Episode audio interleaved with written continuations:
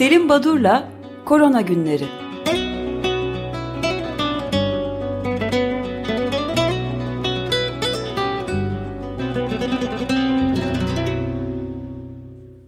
Günaydın Selim Badur, merhabalar.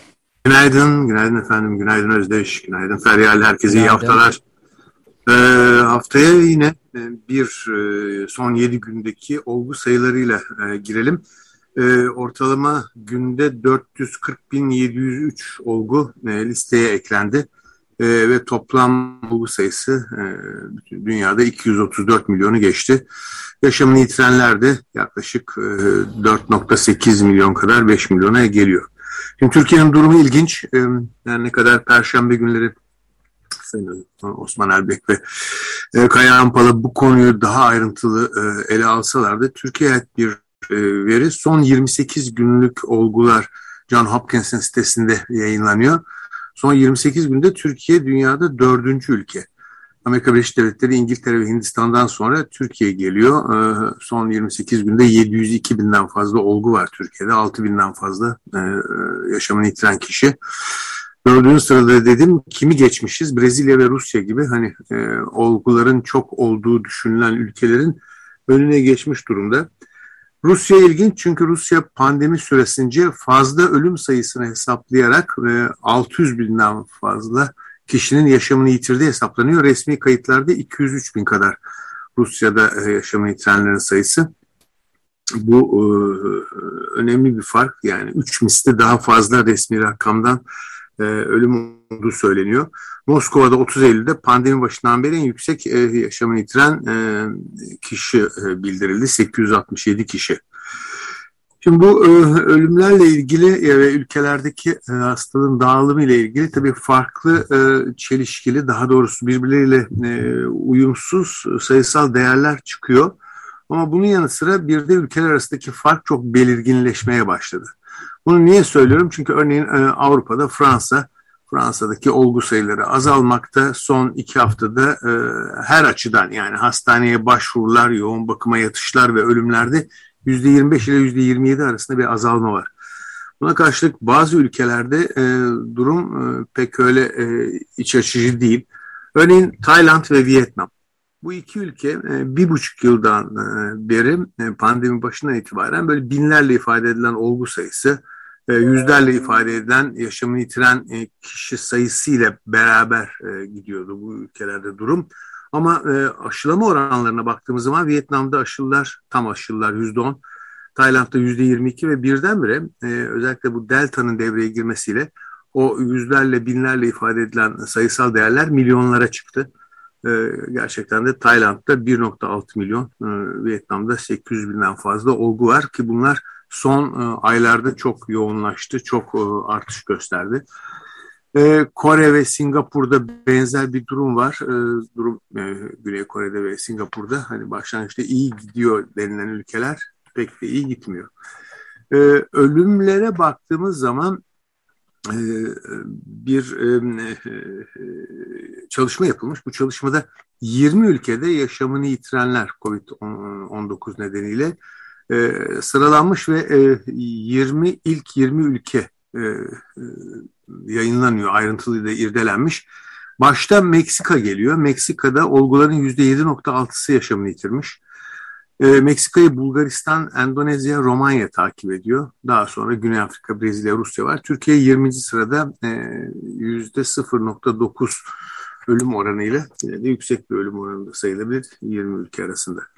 Şimdi bu konuda e, çeşitli statistikler açısından e, Amerika Birleşik Devletleri'de Kaiser Family Foundation, bu bir vakıf herhalde, o vakfın ilginç statistik çalışmaları var. Örneğin Haziran-Ağustos 2021'de aşısız e, 287 binden fazla olgu varmış. Hastane yatışlarını hesaplamışlar ekonomik e, neye mal oldu diye. Bunu daha önce de belirtmiştim ama bu e, vakfın, bu e, Kaiser Family Vakfı'nın çalışmasının altını çizmekte yarar var.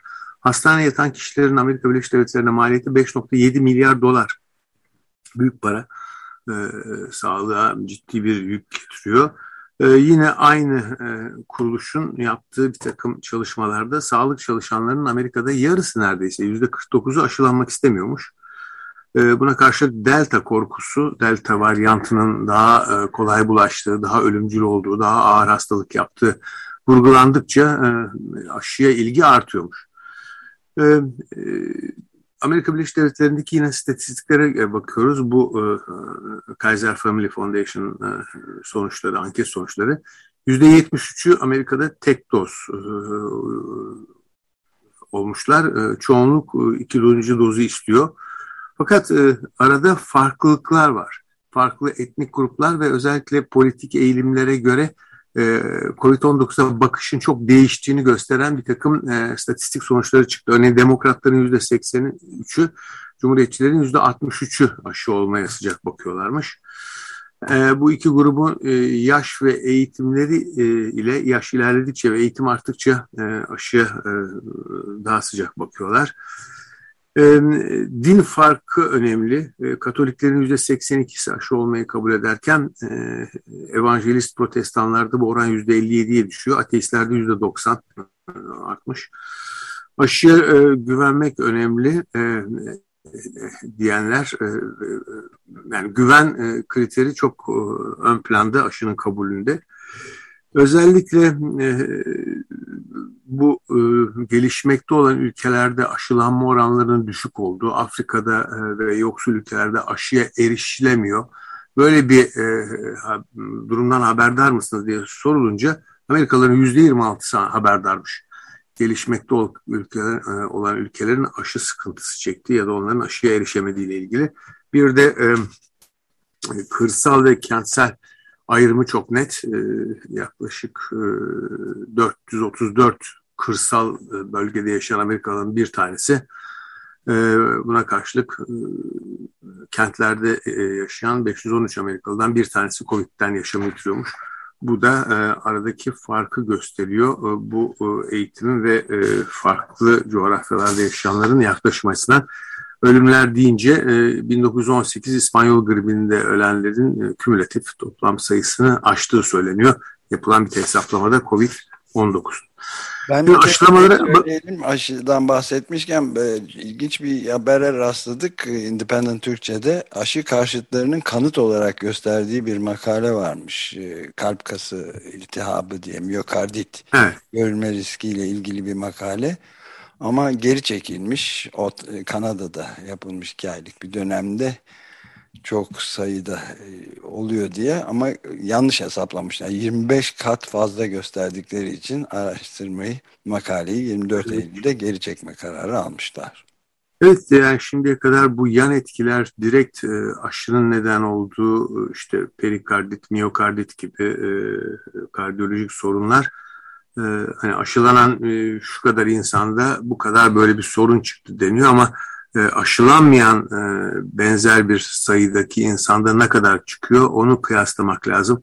Yani bunlar toplumda belirli oranlarda görülen olumsuzluklar, yaşanan bir takım sorunlar aşılananlarda da var demek kolay.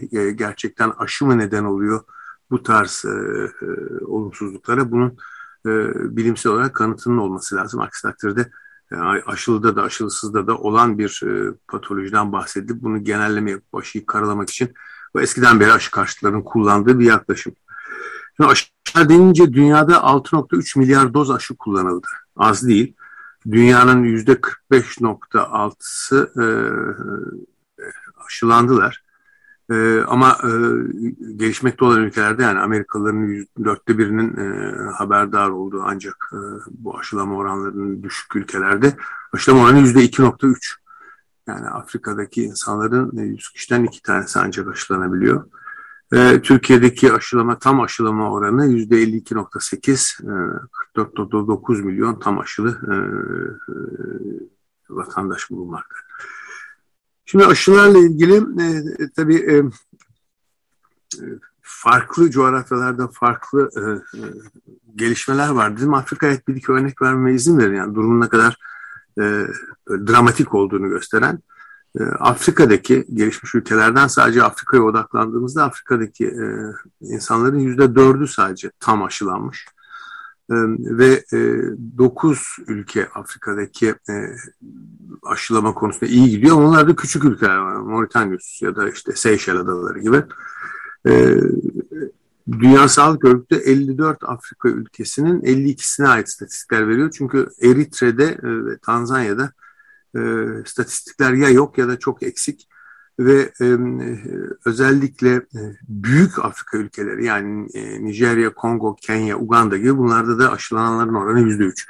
Yani e, oldukça e, düşük ve bu şekilde bir pandeminin üstünden gelinmesi, küresel boyutta onunla mücadele edip bunun alt edilmesi e, pek mümkün değil. E, e, baktığımız zaman e, neler var aşılarla ilgili haberler. Sanofi firması, büyük Fransız şirketi, aşı üreticisi e, hani hep e, biyomedyo, pastör e, geleneği vardır e, aşı ile ilgili ne denilen bir ülke bir kültür ama Sanofi geliştirmekte olduğu mRNA aşısının çalışmalarını ki sona yaklaşmıştı durdurduğunu açıkladı.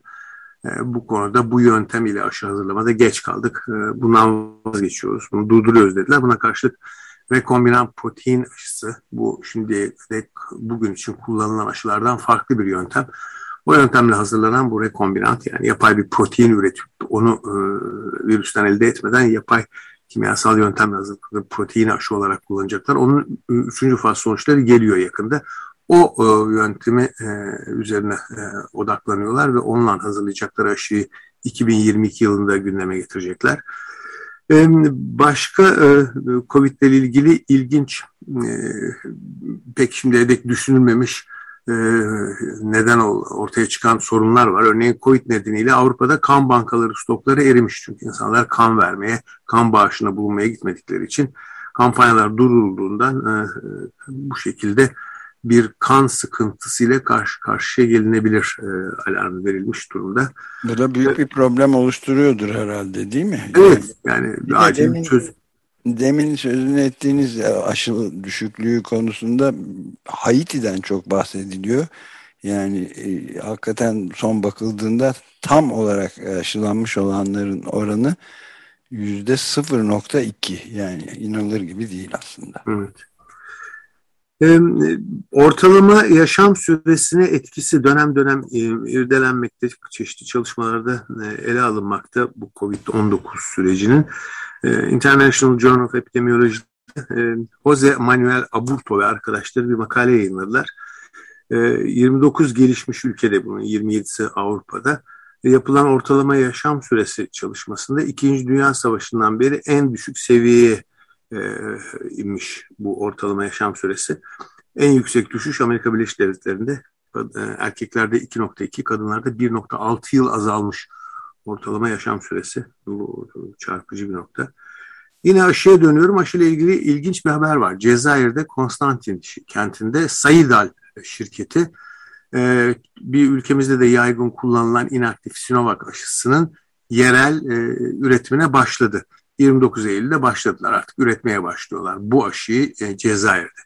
Bu tabii e, bu haberi okuyunca Türkiye'deki durumu e, düşünmeden edemiyor insan.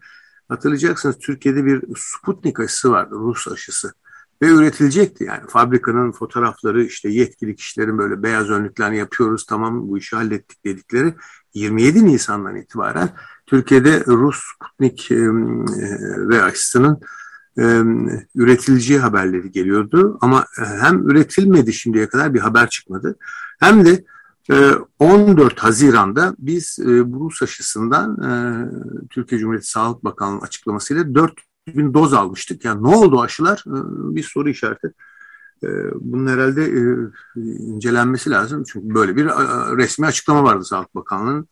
Kayıp aşıların esrarı. Evet yani bu, bu ilginç bir şey. Başka e, haberlere baktığımız zaman 2002 Pekin Kış Olimpiyatları'nın seyircisiz oynanacağına karar verilmiş. Kaliforniya'da da e, Kaliforniya valisi Gavin Newsom e, bütün öğrencilerin zorunlu olarak aşılacağını, aşılanacağını e, kararını almışlar. 6 milyon öğrenci aşılayacaklarmış. E, bu da önemli bir nokta. Türkiye'de bir de e, Metropol'ün yeni bir araştırması var. Pandemi döneminde sağlık çalışanlarına hak ettikleri saygı ve e, özen gösterildi mi sorusuna %34.3 evet denmiş. E, yine Türkiye'den bir haber, e, Kırmızı Şemsiye'nin bir e, sitesinde yer alıyor. HIV AIDS'te çalışan e, aktivistlerin sitesi.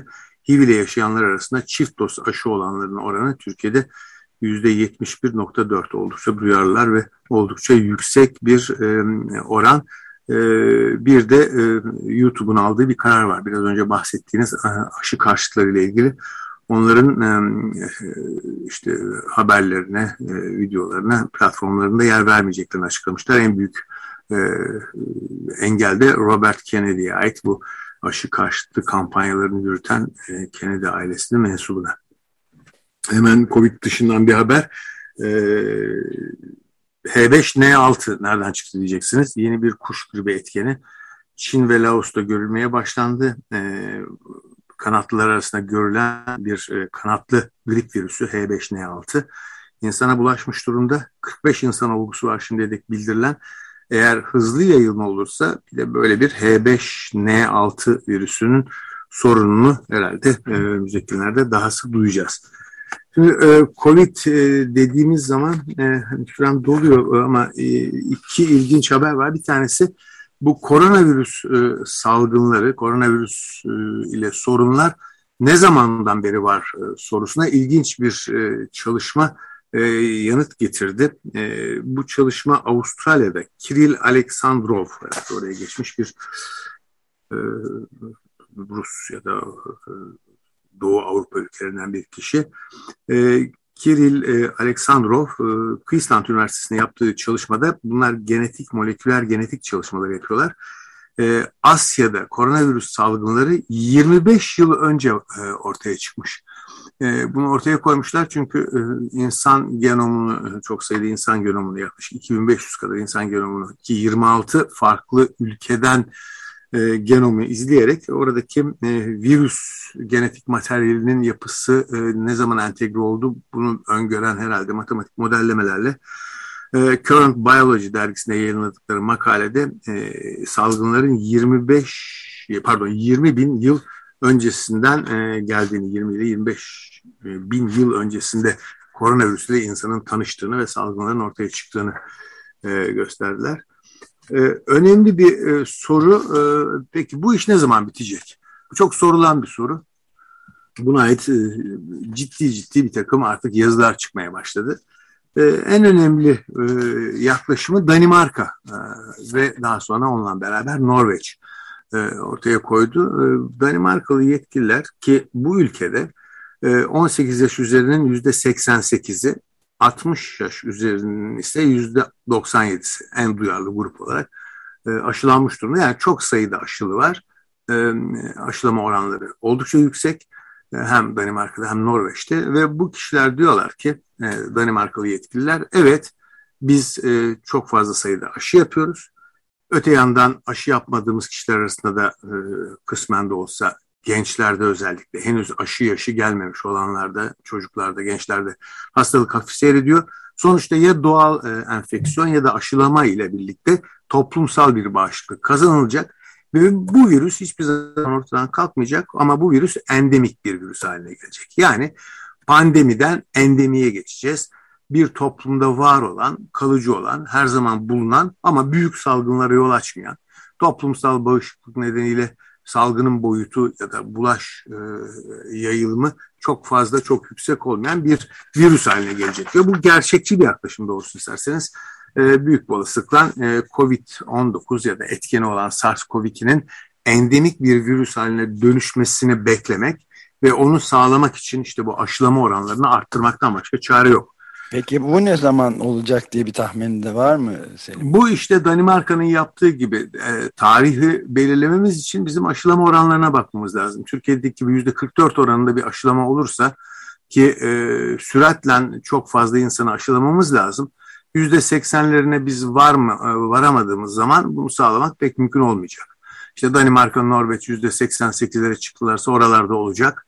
Ama tabii bir yandan da e, küresel e, bir e, bakış açısıyla e, yani Afrika'nın yüzde ikisi üçü e, aşılanmışken e, oralarda salgın devam ederken Avrupa ülkeleri aşılama oranlarını e, yükseğe çıkartsalar bile e, bu işten e, çok kurtulamayacaklar. E, Danimarka bir model ama e, onunla beraber bütün ülkelerin ve küresel boyutta aşılanmanın arttırılması lazım. Arttırılmadıkça bunun sağlanması pek mümkün değil. E, tabii eksik aşılamalardan bahsediyoruz. Bir de fazla aşılamalar var. E, Amerika Birleşik Devletleri'nde, pardon Porto Rico'da bir eczacı, Farmacia Gabriela isimli eczanenin eczacısı endikasyon olmadığı halde küçük çocukları aşılamıyormuş. 12 yaşından küçük çocukları aşılıyormuş. 24 çocuğu aşılamış. Kendisi hakkında soruşturma açılmış. Hop sen ne yapıyorsun? Yani böyle bir şey yapmaya hakkın yok diye. Ee, herkes bir ne zaman bitecek diye sormanın yanı sıra bir de e, ilaçlar konusunda bir gelişme var mı diyor. İlk kez e, bir ilaç şirketinin e, Molnupiravir isimli e, bir e, ilacı e, gündeme geldi. 775 hastada denediklerinde e, hastaların e, ilacı alanların %7.3'ü, plasebo olanların %14.1'i hastaneye yatacak kadar ağır enfeksiyona yakalanmış. Bunun üzerine bu ilk ön bulgular üzerine e, çalışmayı durdurmuşlar ve hemen e, ruhsat için, ona için e, başvuruda bulunmuşlar. E, özellikle e, hastane yatışları ve ölümleri e, yarı yarıya azaltan bir ilaç. E, önemli bir gelişme. Bunun da herhalde takipçisi olmakta yarar var. Çünkü e, ilaç konusunda e, önemli e, beklentiler var idi. Birçok molekül üzerine çeşitli ilaç üreticileri çalışıyor. E, bir de Çin'den bir çalışma var. Son olarak buna değineyim. E, Lancet Regional Health e, Western Pacific dergisinde e, yayınlanmış. Li Pin Wang ve arkadaşları. Bunlar da Çin'de e, bütün bu pandemi dönemince enterik yani dışkıyla bulaşan e, enfeksiyon etkenlerinin görülme sıklığına bakmışlar. Virüsler işte adenovirüs, norovirüs gibi, e, rotavirüs gibi e, böyle e, dışkı e, yoluyla bulaşan e, kirlenmiş sularla, kanalizasyon sularıyla bulaşan e, virüslerin görülme sıklığında yüzde 71 gibi yüksek bir oranda azalma görülmüş. E, bakteriler içinde de işte tifo falan gibi e, hastalıkların etkeni olan salmonella ya da kanfilobakter gibi bakterilerin de görme sıklığında yüzde 66 ile yüzde 90 arasında azalma. Bu tabii büyük bir olasılıkla e, çeşitli e, uyarılar sonucunda e, hani hep diyoruz maske, sosyal mesafe ve sizin musluk dediğiniz el yıkama alışkanlığının artması ve ona özen gösterilmesiyle bu e, kirli sulardan ya da tuvaletlerden dışkıyla bulaşan e, virüs ve bakterilerin ne oranda azaldığının bir göstergesi. Bu da e, önemli bir nokta. İsterseniz ben burada durayım saat 9 oldu ama aşılarla ilgili e, ve özellikle e, aşıların e, önerisi gebelerin aşılanması konusunda haftaya ele almakta yarar var. Çünkü gebeler aşılanmıyorlar hem dünyada hem ülkemizde ama o, o kesimin içinde de hastalanan ve özellikle e, yeni doğanların e, çok etkilenmesi söz konusu oluyor. E, gebeler aşılanarak e, hem kendilerini hem de e, yeni doğacak bebeklerini koruyorlar. Bunun bilinmesi, yaygınlaşması e, gerekir diye e, çalışmaları önümüzdeki haftaya bırakalım. Ben burada durayım. Size iyi yayınlar efendim. Çok teşekkür ederiz. Hoşçakalın. Ben teşekkür ederim. Görüşmek Sağ olun. Üzere. Görüşmek üzere.